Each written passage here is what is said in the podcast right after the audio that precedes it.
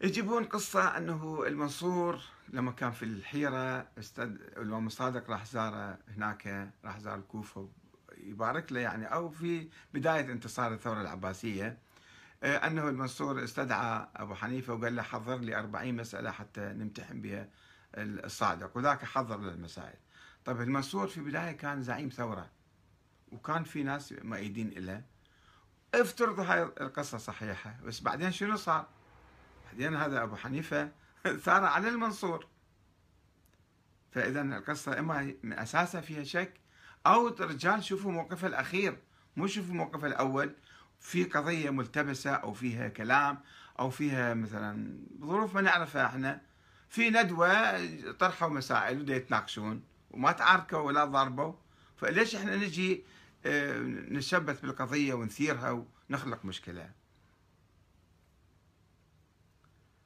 آه، ومرة ثانية يقول هذه القضية وبعدين هو هو ينقل نفس الراوي هذا نفس الأخ صالح الكرباسي ينقل آه، عن الإمام أبي حنيفة يقول أنه فهيأت له أربعين مسألة ثم بعث إلي أبو جعفر المنصور وهو بالحيرة قبل ما يروح بغداد آه، فدخلت عليه وجعفر بن محمد جالس عن يمينه.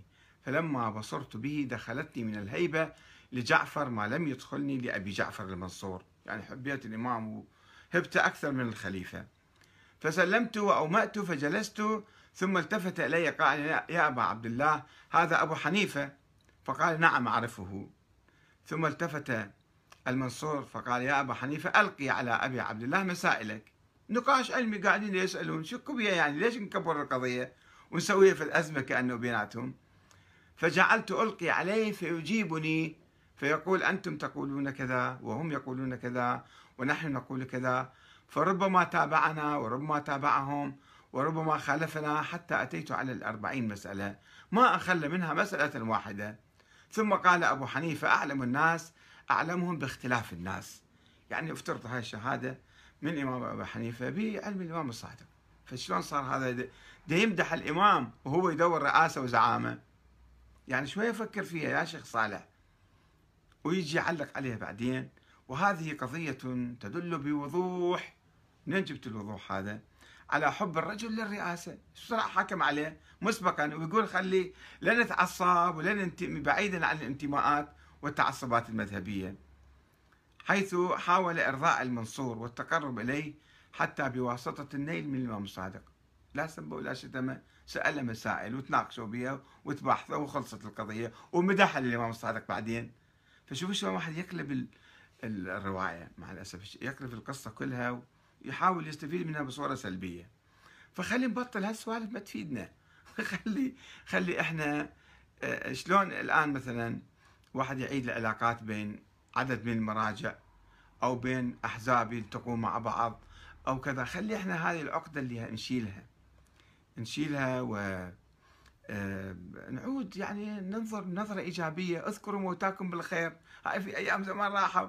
شوف شنو إيجابيات الإمام أبي حنيفة وشنو إيجابيات الإمام الصادق. ما نتوقف عند السلبيات وعند النقاط وعند الملاحظات؟ وإلا موجودة. يعني السنة أيضا يمكن يأخذون أبو حنيفة يمكن يأخذ على الإمام باكر أو على الإمام الصادق. فإحنا ما نجي نوقف عندها.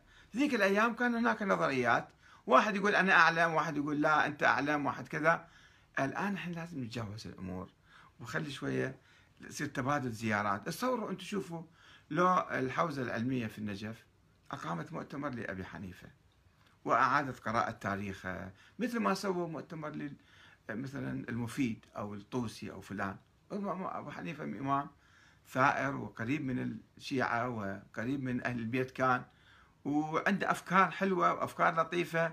عنده إيمان بالشورى وعنده إيمان آه، ب... وبعدين الشيعة صاروا حتى من ناحية العلم صاروا هم يقيسون ويجتهدون. الاجتهاد هذا شنو معناته؟ نفس الشيء كان يسويه أبو حنيفة في ذيك الأيام. ليش ليش تحرمون الاجتهاد على أبو حنيفة وأنتم تعملون به بعدين؟